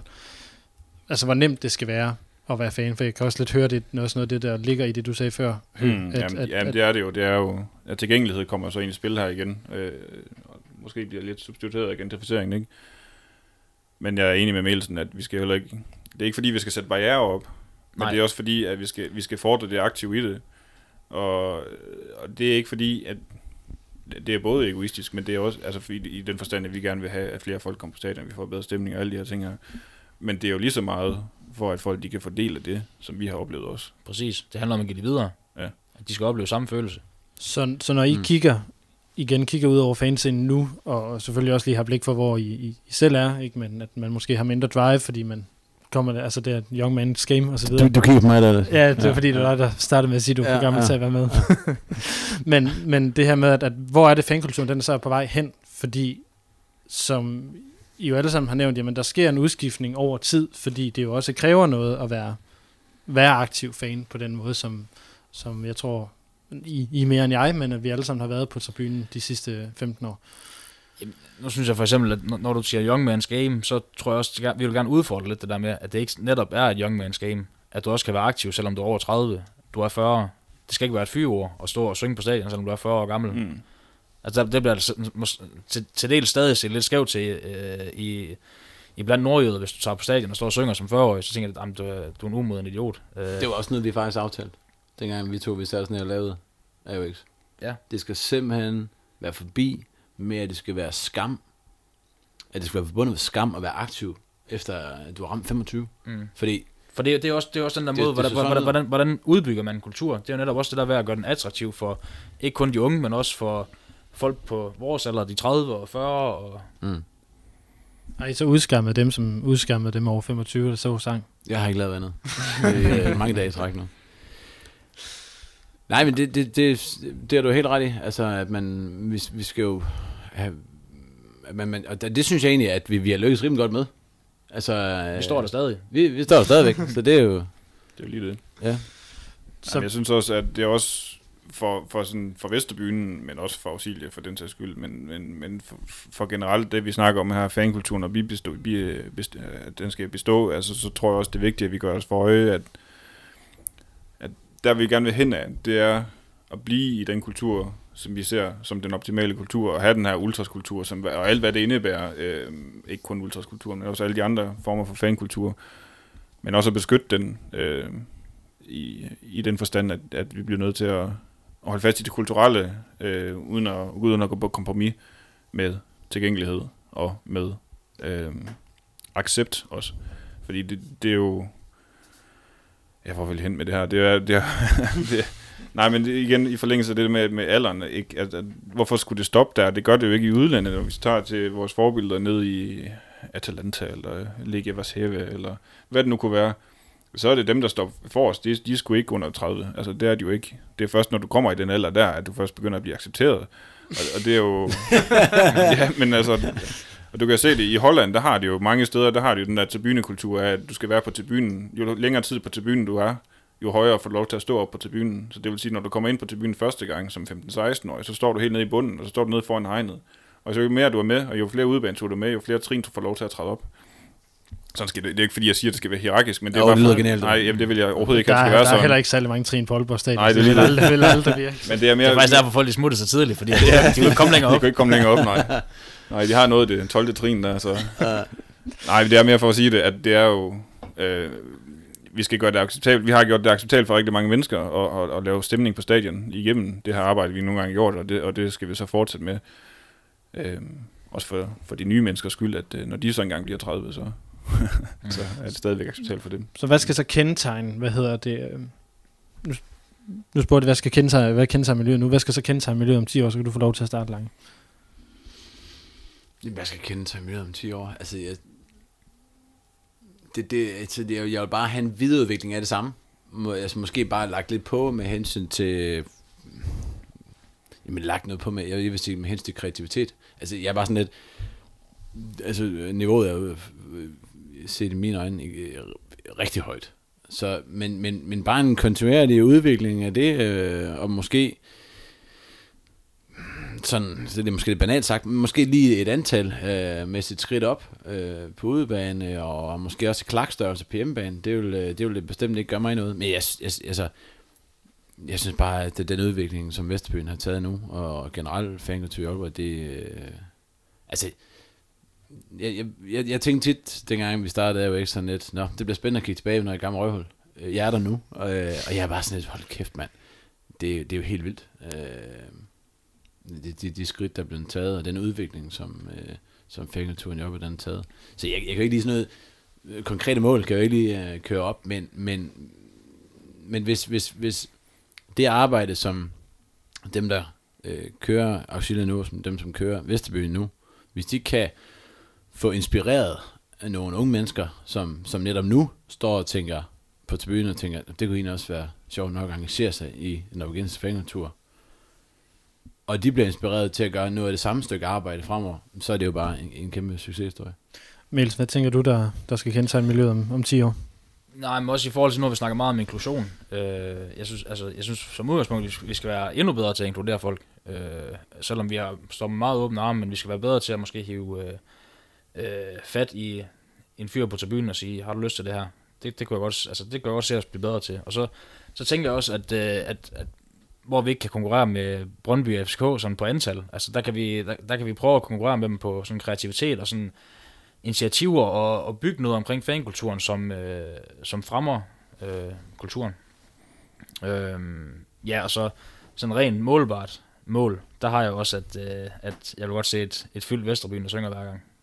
Hvor vi har en relativt stor øh, klak, som er blevet udbygget øh, i tider, øh, hvor vi ikke har haft resultaterne. Øh, den ser jeg gerne, øh, den udvikling fortsætte, så vi måske om fem år har halvdelen af Vesterbyen, og så om 10 år har øh, en hel Vesterbyen, der synger hele sammen. Jeg vil lige smide, en- smide en ting ind her. Øh, nu nævnte du tidligere, at Barøv har været et, et samlingssted for OB-fans. Føler du, og det er egentlig til alle sammen, føler I, der er et lignende samlingssted for OB-fans i dag? Nej. Nej. Altså, altså, altså folk samles jo stadig på Barøv før kampene, men det er måske ikke så øh, kulturpræget, ikke for at tage noget fra dem, som har stedet nu, men jeg er måske mere involveret i, hvad kan man sige, øh, dem, der prøver at drive tingene på fankulturen, så det var også naturligt, at, at stedet, dengang jeg havde det, var mere øh, øh, hvad kan man sige, inspireret af de ting, der, der foregik øh, i fankulturen, tænker jeg. At, at det, var lidt mere, det var lidt mere det, som var dagsordenen dengang, end det måske er nu. Ja. Og vi Det- mangler måske lidt et sted, hvor, at, øh, det, hvor, hvor at vi kan snakke fankultur til hverdag. Vil, vil det være et mål, som I ser det, at have det i Aalborg inden for de næste 10 år? Det er jeg enig i, at det, det Varøv var en periode, som vi ikke får igen på den måde. Øh, det er stadigvæk et rigtig godt sted. Det er slet ikke for at tage det fra de to gode herrer, der ejer det nu. Øh, og, og det er også et sted, hvor vi kommer før kamp og så videre, men det er ikke de samme... Øh, det er faktisk de samme mennesker, men det er blevet lukket lidt mere af nu, øh, hvis man kan sige det sådan. Og det tror jeg ikke, det er ikke nogen, der har gjort noget i undtro eller aktivt valg eller noget som helst. Det er bare sådan, tingene er i perioden. Det, altså, det handler også bare nok- om, at jeg som person øh, tænker fankultur og rigtig meget, Ja, og lige tænker præcis, at det var- Vesterbyen rigtig meget. Så, Så så, også tænke andre kulturer ind i det. Ja. Hvis du ikke holder alle de koncerter og så videre dernede, så var det ikke, så var det ikke komme de elementer fra de miljøer ind i fankulturen. nej, nej. Altså, Øh. vi har punker og skater på tribunen nu, det havde vi jo ikke for det fem år siden. ikke, det havde vi ikke, nej lige præcis.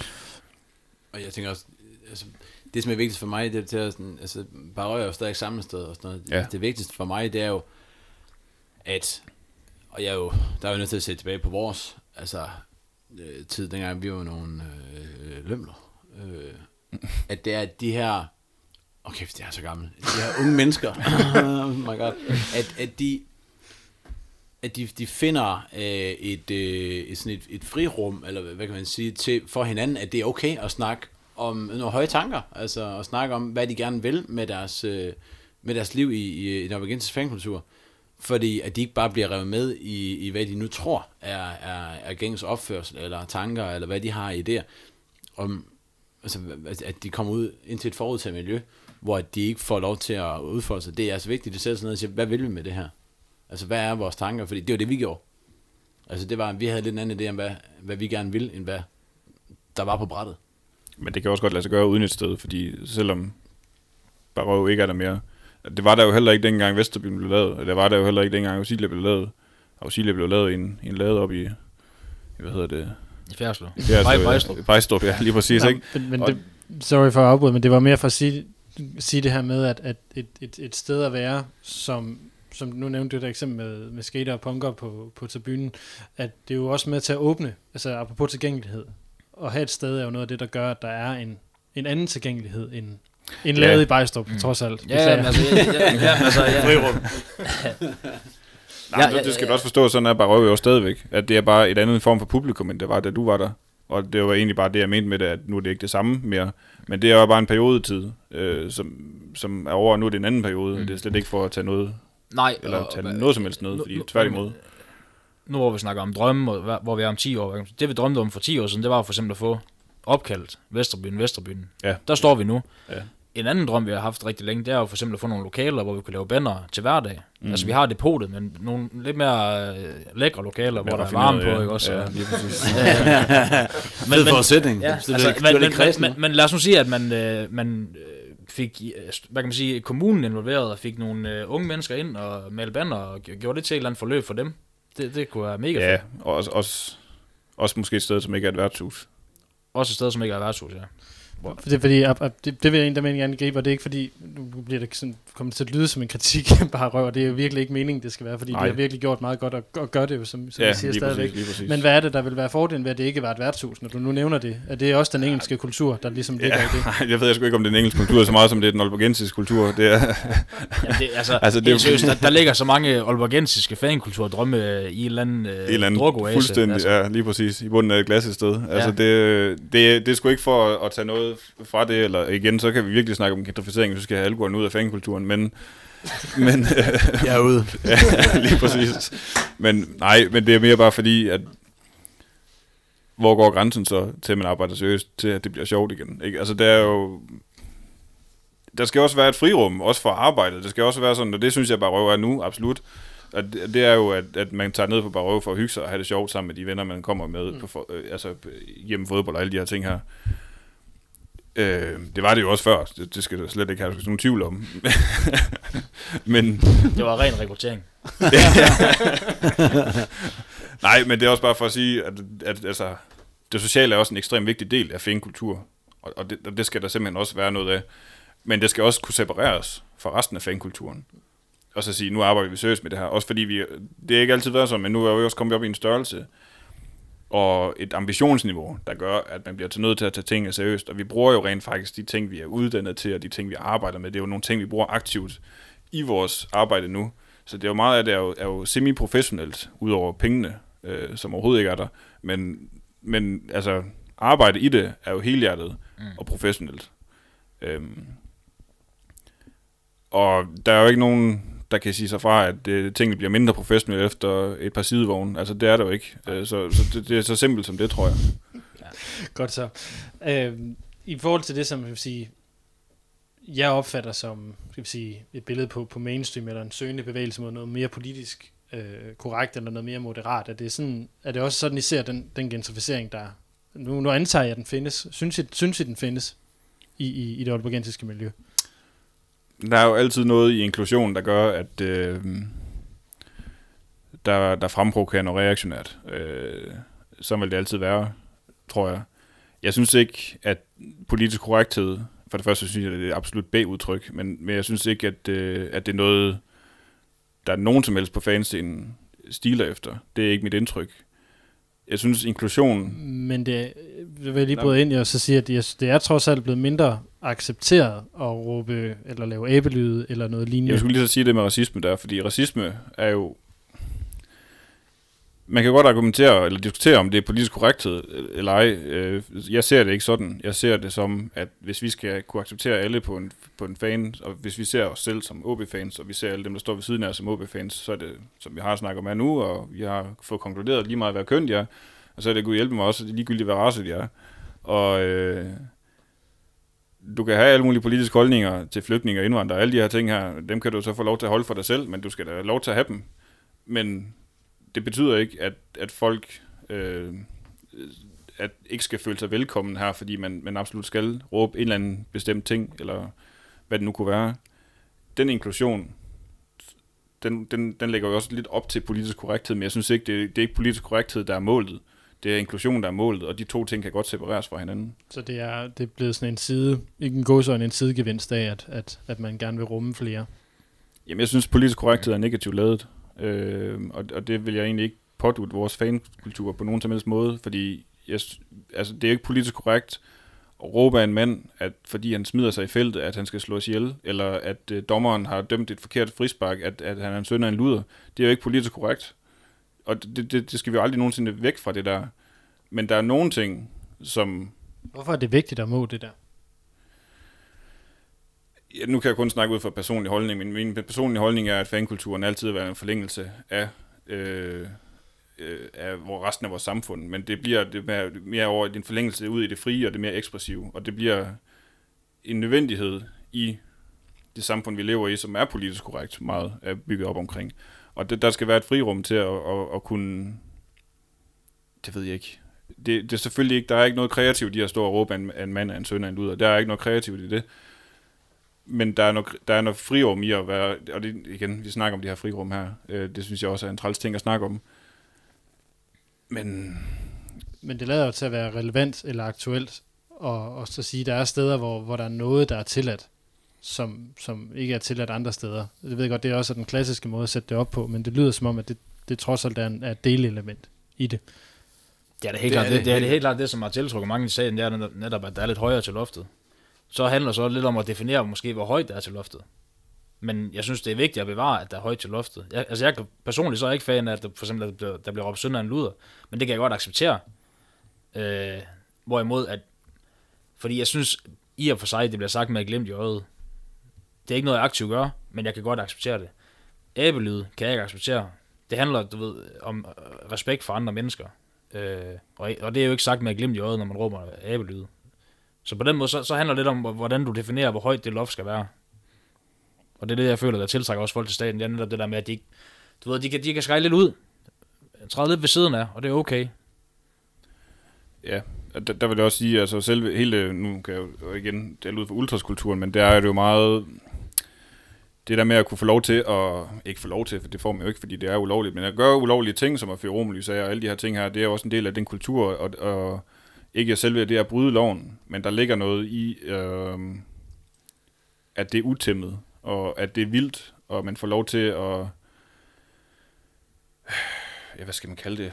Altså, det, det, det, det, det, det, jeg tror, det er det utæmmethed i det. Altså, det er ligesom at, ja, det ved jeg ikke, bestige et bjerg på en eller anden måde. Altså, der er, det er også mod elementerne, det er også, og så er det dem. Den, den, den mentalitet, den er jo ekstremt farlig på så mange steder i samfundet, men lige præcis i fodbold, der fordrer vi den jo helt vildt meget. Og, og der, der høster vi jo ligesom de positive gevinster, også nogle gange de negative gevinster, men, men, men i resten af samfundet, der er det bare en farlig ting, men inde på fodboldstadionet, ja, der er det ikke bare accepteret, men der er det også nogle gange en god ting. Så det her, altså det der, hvis vi nu sådan skal tage de sådan meget høje hatte på i det, mm. så ligger der jo også det her, ligger, ligger der så i, i, i det, jeg hører jeg sige, at der er en, en udbredt frihedskultur i det, ja. i, i, et eller andet, i et eller andet omfang. Det er sådan et excitement og også, at der ligger en, en, en enorm inklusionskultur i det, fordi man jo faktisk vil insistere på at vil rumme alt fra øh, det, som er kendt som skovboksning eller lignende. Mm. Altså de her, som, som du nævnte, de mere, de mere voldsomme elementer, som er kommet over de senere år, som ikke foregår på stadion, men som er en del af, af en fankultur alligevel. Og så de meget blødere elementer, som jo også er begyndt at komme komme ind i, i de her mere in- inkluderende tanker. Er det sådan, I alle sammen ser, at, at, at, den, at fankulturen er blevet mere, forstår mig ret, inkluderende på, på begge sider af spektrum, øh, end, end, end den har været før? Jamen, altså for mig så handler det om at skabe sådan en kerne af inklusion, hvor, at, hvor det er det positive OB, positive støtten til OB, som vi, som vi hvad kan man sige, fremmer. Øh, at, at vi, vi, altså hvad kan man sige, når man tænker sådan i forhold til, skal man, sige, skal man frasige sig noget? Øh, jeg, jeg, jeg er meget mere på den der tanke med, at man skal inkludere, og så inkludere folk i et positivt sammenhæng, i et positivt miljø, og så lade det påvirke dem, frem for at skubbe dem væk, og så lade dem sejle i egen sø. Det er sådan, jeg ser på det. Men altså, jeg vil så sige, og nu tager vi den helt, helt højt på, fordi enhver inklusion, det indebærer også en eksklusion. Og det er den, jeg mener, der er sådan lidt farligt ude i samfundet at kunne gøre. Øh, men inden, inden for stadionernes rammer, så at sige, så, øh, så bliver eksklusionen kun modstanderholdet. Og, og, og det kan jo selvfølgelig medføre sådan en masse vanvittige ting, som, som slåskampe og alle mulige ting, men, men det er jo også, hvis man får fri tøjler til at kunne se sig selv som at være en del af noget, uden at, uden at det skulle kunne skade andre, jamen så er det jo også positivt, synes jeg. Altså, det, du tager jo noget, naturligt også et farligt ord, men noget dyrisk ind i det, og, og, og bliver den her, altså du får lov til at være det, du er, øh, så frem du gerne vil det men det skal alle have lov til. Øh, så er jeg nødt til at prøve at spørge på en anden måde. Føler I er så defineret af de mere ekstreme elementer? Fordi nu, nu lyder det som om, at det er jer, der står nogenlunde i midten af den her fankultur? Føler I også defineret på samme måde, at nogle af de her mere ekstreme elementer, nu tænker jeg på, på grupper som Frontline ude på den ene side, og så på øh, vil sige, de der helt almindelige familier, der kommer på stadion? Altså tænker du på, om, om man ser sig selv Jamen, om, om, hvor, den- meget, hvor meget er de med til at definere det fankulturen er, eller hvor, hvor meget synes I, de fylder også i den opfattelse, andre kan have af jeres, når I kommer ud og siger, vi er OB-fans, hvem, hvem bliver I så sat i bås med? Jamen, så bliver man sat i bås med, Nå, så er du oppe og slås i weekenden. Altså, det er, jo, det er jo det, folk de siger til en, når man siger, at man er aktiv fodboldfan eller er på udebanetur. Men for mig, der er det, jeg, jeg, det, er det er måske på et tidspunkt, hvor det irriterede mig, men det gør de virkelig ikke mere. Jeg ved, hvad jeg er. Jeg ved, hvad jeg ikke er. Og, og det er nok for mig. Men... Og så, og så er det jo en anden ende af spektrummet, det er jo den her klaphat-kultur der, øh, som, som også er der. Øh, som man også godt kan blive sat i bås med. Men det synes jeg også bare, det er noget, vi arbejder for, det er, at, at vi kan være hver især i kulturen. Vi kan have ultrakulturen, vi kan have huligankulturen, vi kan have klaphat-kulturen, hvis der er noget, der hedder det. Men, men at, at man kan blive anerkendt for, for, hvad det er, man er, i stedet for, hvad det er, at øh, det generelle samfundsbillede er. Jeg tror, man kaldte det roligan-kultur engang. Nå ja, men vi havde, vi havde jo de der hatte, der klapper, ikke? Så det er jo... Ja, ja, altså for mig så handler det bare om, at vi, vi får skabt et rum, hvor at, man kan sige, fokus er på støtten til OB, og ikke så meget, hvad, hvad, hvilke ekstremer folk er, du ved, Mm. mm. en, en del af. Det handler om at, at fange de, hvad kan man sige, øh, de positive strømninger, der, der, der rører sig på enten øh, den ene eller anden fløj, og så prøve at samle det og modellere det på en eller anden måde, og så få det bedste ud af det. Sådan ser jeg det i hvert fald. At, at det ikke handler om eksklusion, men mere inklusion. Så mister man så noget, hvis man skubber nogle af de her mere ekstreme elementer ud af kulturen. Ja, det vil jeg mene, man gør. Så, så, så er vi først, vi begynder at snakke om gentrificering. Øhm, det vil jeg sige. Øh, fordi Så, I- så, så bare for at forstå det ret, så vi skal insistere på at rumme de elementer også. det er min personlige holdning i hvert fald. Bare, altså, bare fordi man rummer noget, er ikke det samme som man accepterer det, vil jeg sige. Ej, der er lidt Det er mere, at man, man, hvad kan man sige, tager imod folk med åbne arme i forhold til at være en del af, igen, et positivt miljø, og, og siger, at det er, hvad kan man sige, her, der hvad kan man sige, øh, arbejder vi positivt med tingene, og, og, og vise den vej. Det, det, det er sådan, jeg ser det. Jeg, jeg vil også sige, altså, det kan godt være her for Danmark ikke forstår, hvad de her mennesker, de gør ude i en skov. Men altså, det, det, det, er jo- en, en, øh, en, en del af det, og, og hvis man ligesom får kørt det lidt ned på jorden, at øh, det, det er nogle mennesker, der gør det her med ligesindet, øh, væk fra et civiliseret samfund, at, at det ikke bare er sådan nogle voldspsykopater, der bare smadrer boligblok efter boligblok, øh, altså, så, hvor vi lige får det lidt ned på jorden. Altså det foregår under, godsøjne laver lige nu, ordnet forhold. Er der jo regler og så videre faktisk, når man er, er derude. Så Ja, altså så bare lige for at køre lidt ned. Altså så, så, så er der jo, øh, det, det, det sker jo øh, med en vis øh, gensidig respekt, så, så det er jo ikke bare...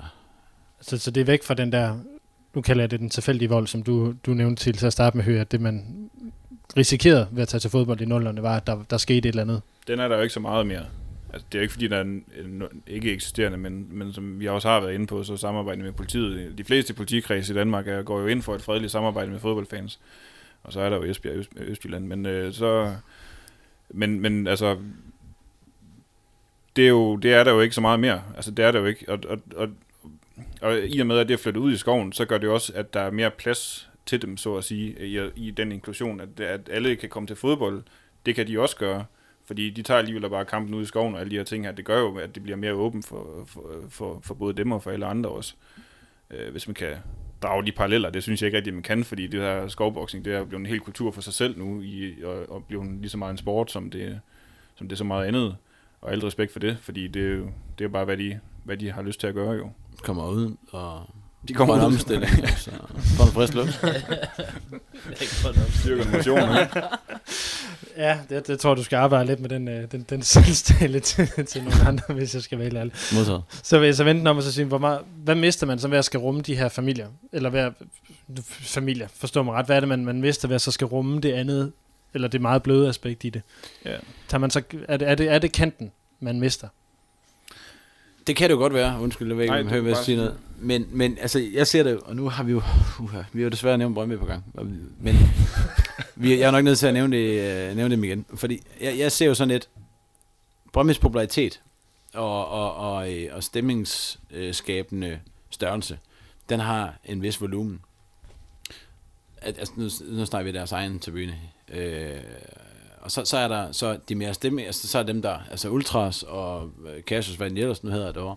Så jeg synes jo, de her to, øh, eller de her mange typer af, af stadiongængere og stemningsydere, det, det er jo to ting, der følges ad i volumen. Altså hvis, hvis der kommer flere, så bliver der også flere stemningsydere.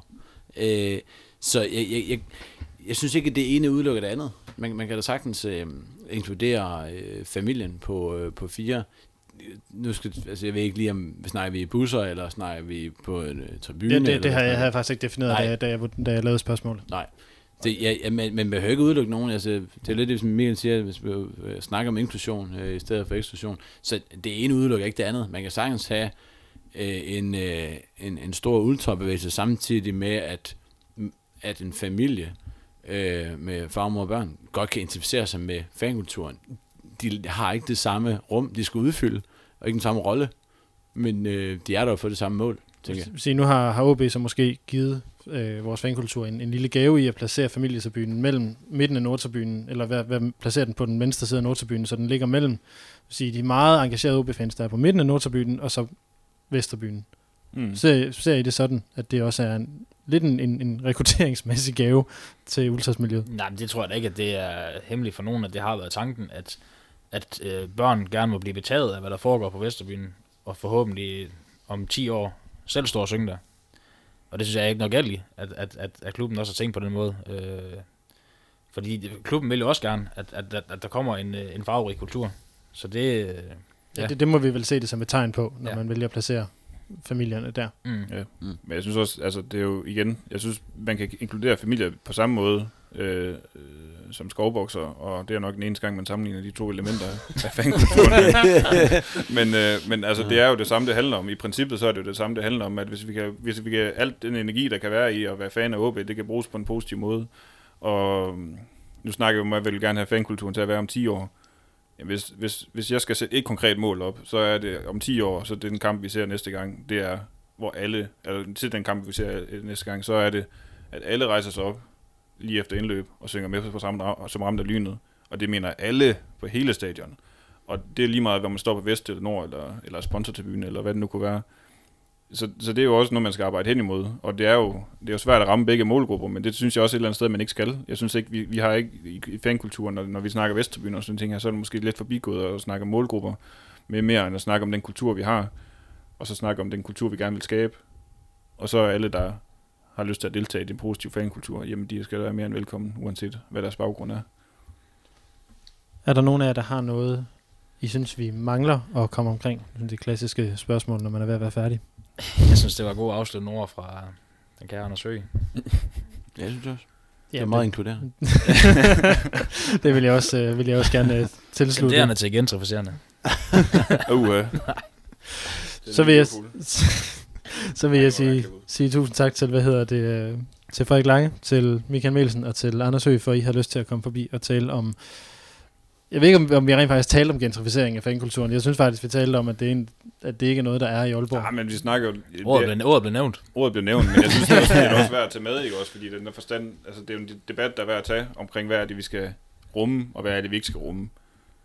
Øh, nu har vi så blevet nævnt, at vi, der er ikke noget, vi ikke skal rumme på en eller anden måde, men, men, men det, det, det kommer jo helt automatisk, og, og det er jo en vigtig debat at tage, i forhold til, hvad vi ser hinanden i. Ja, men den er god at have i forhold til sådan at stikke øh, fingeren i sandet og se, hvor står man. Øh, det kan da godt være, at vi, vi, i og med, at vi sad og forberedte, forberedte os på den udsendelse, at vi kom frem til, okay, vi er faktisk måske på vej af en forkert vej. Ja, det er jo det. Øh, så, på- så på Men den måde synes jeg, det er en sund ja. ja. debat, vi har taget her. Det er en sund og vigtig debat. Jeg synes, at vi skal mødes om, om fem år. Ja. Og så kan vi jo så sige, hold da kæft, det gik godt nok galt, var. Men Eller- også, det, det, er også, i, i, det er også fordrende for fankulturen i, i sin kultur for sig selv, at det bliver nærmest en helt metadiskussion, bare ved det vi har det her, ikke? At man tænker de her tanker omkring, hvad fankultur er. Fordi jeg tror, der er rigtig mange, også det vi snakker om til at starte med, bare det, man føler sig som en del af en fankultur, så er man en del af en fankultur. Men det er jo, det er jo den idé, man skal have udbredt i høj grad. Skal vi så ikke blive enige om, at det er det, der er målet? Jo, lad os sige Så, det. øh, så vil jeg sige tusind tak til jer tre. Øh, tak, tak. tak til øh, Spanor, der er samarbejder, samarbejdspartner på udsendelserne her. Øh, udsendelsen er produceret af OB Support Club i samarbejde, som sagt, med Spanor. Jeg hedder Lasse Udhegnet. Det her det er Rød Aalborg. Vi lyttes ved. Tak for nu. Du har lyttet til Rød Aalborg, din podcast om OB, produceret af OB Support Club i samarbejde med Spar Nord. Det er din fanradio, hvor du får aktuelle holdninger til spillet på banen. Vi alle, alle kan godt lide Rigsgaard, men, men øh, altså, hvis det var ens mælk i køleskabet, så var man også til at overveje, om det skulle skiftes ud, ikke? Er tæt på, hvad der sker i klubben. altså, det har jo været specielt nu sidder og, og ligesom bladrer øh, hundredvis af beskeder igennem og svarer på dem, der har været så og så videre, og, og sende mig nogle tanker. Lærer spillerne at kende. det er sjovt. Jeg øh, havde lige en samtale med, med Børsting i går. Altså, han var også ved at gå ud af sit, øh, sit gode skin. Han, han kunne simpelthen ikke mere nu. Altså, han havde alt for meget krudt i røven til at, til bare at blive hjemme. Og høre historier fra klublegender som Lønge Jacobsen, Paul Andreasen. Thomas Augustinusen. Allan Gorte. Henning Munk Jensen. Det er din klub, din fanklub, din fanpodcast. Rød Aalborg. Rød Aalborg. Rød Aalborg. Rød Aalborg. du lytter lige nu til Rød Aalborg.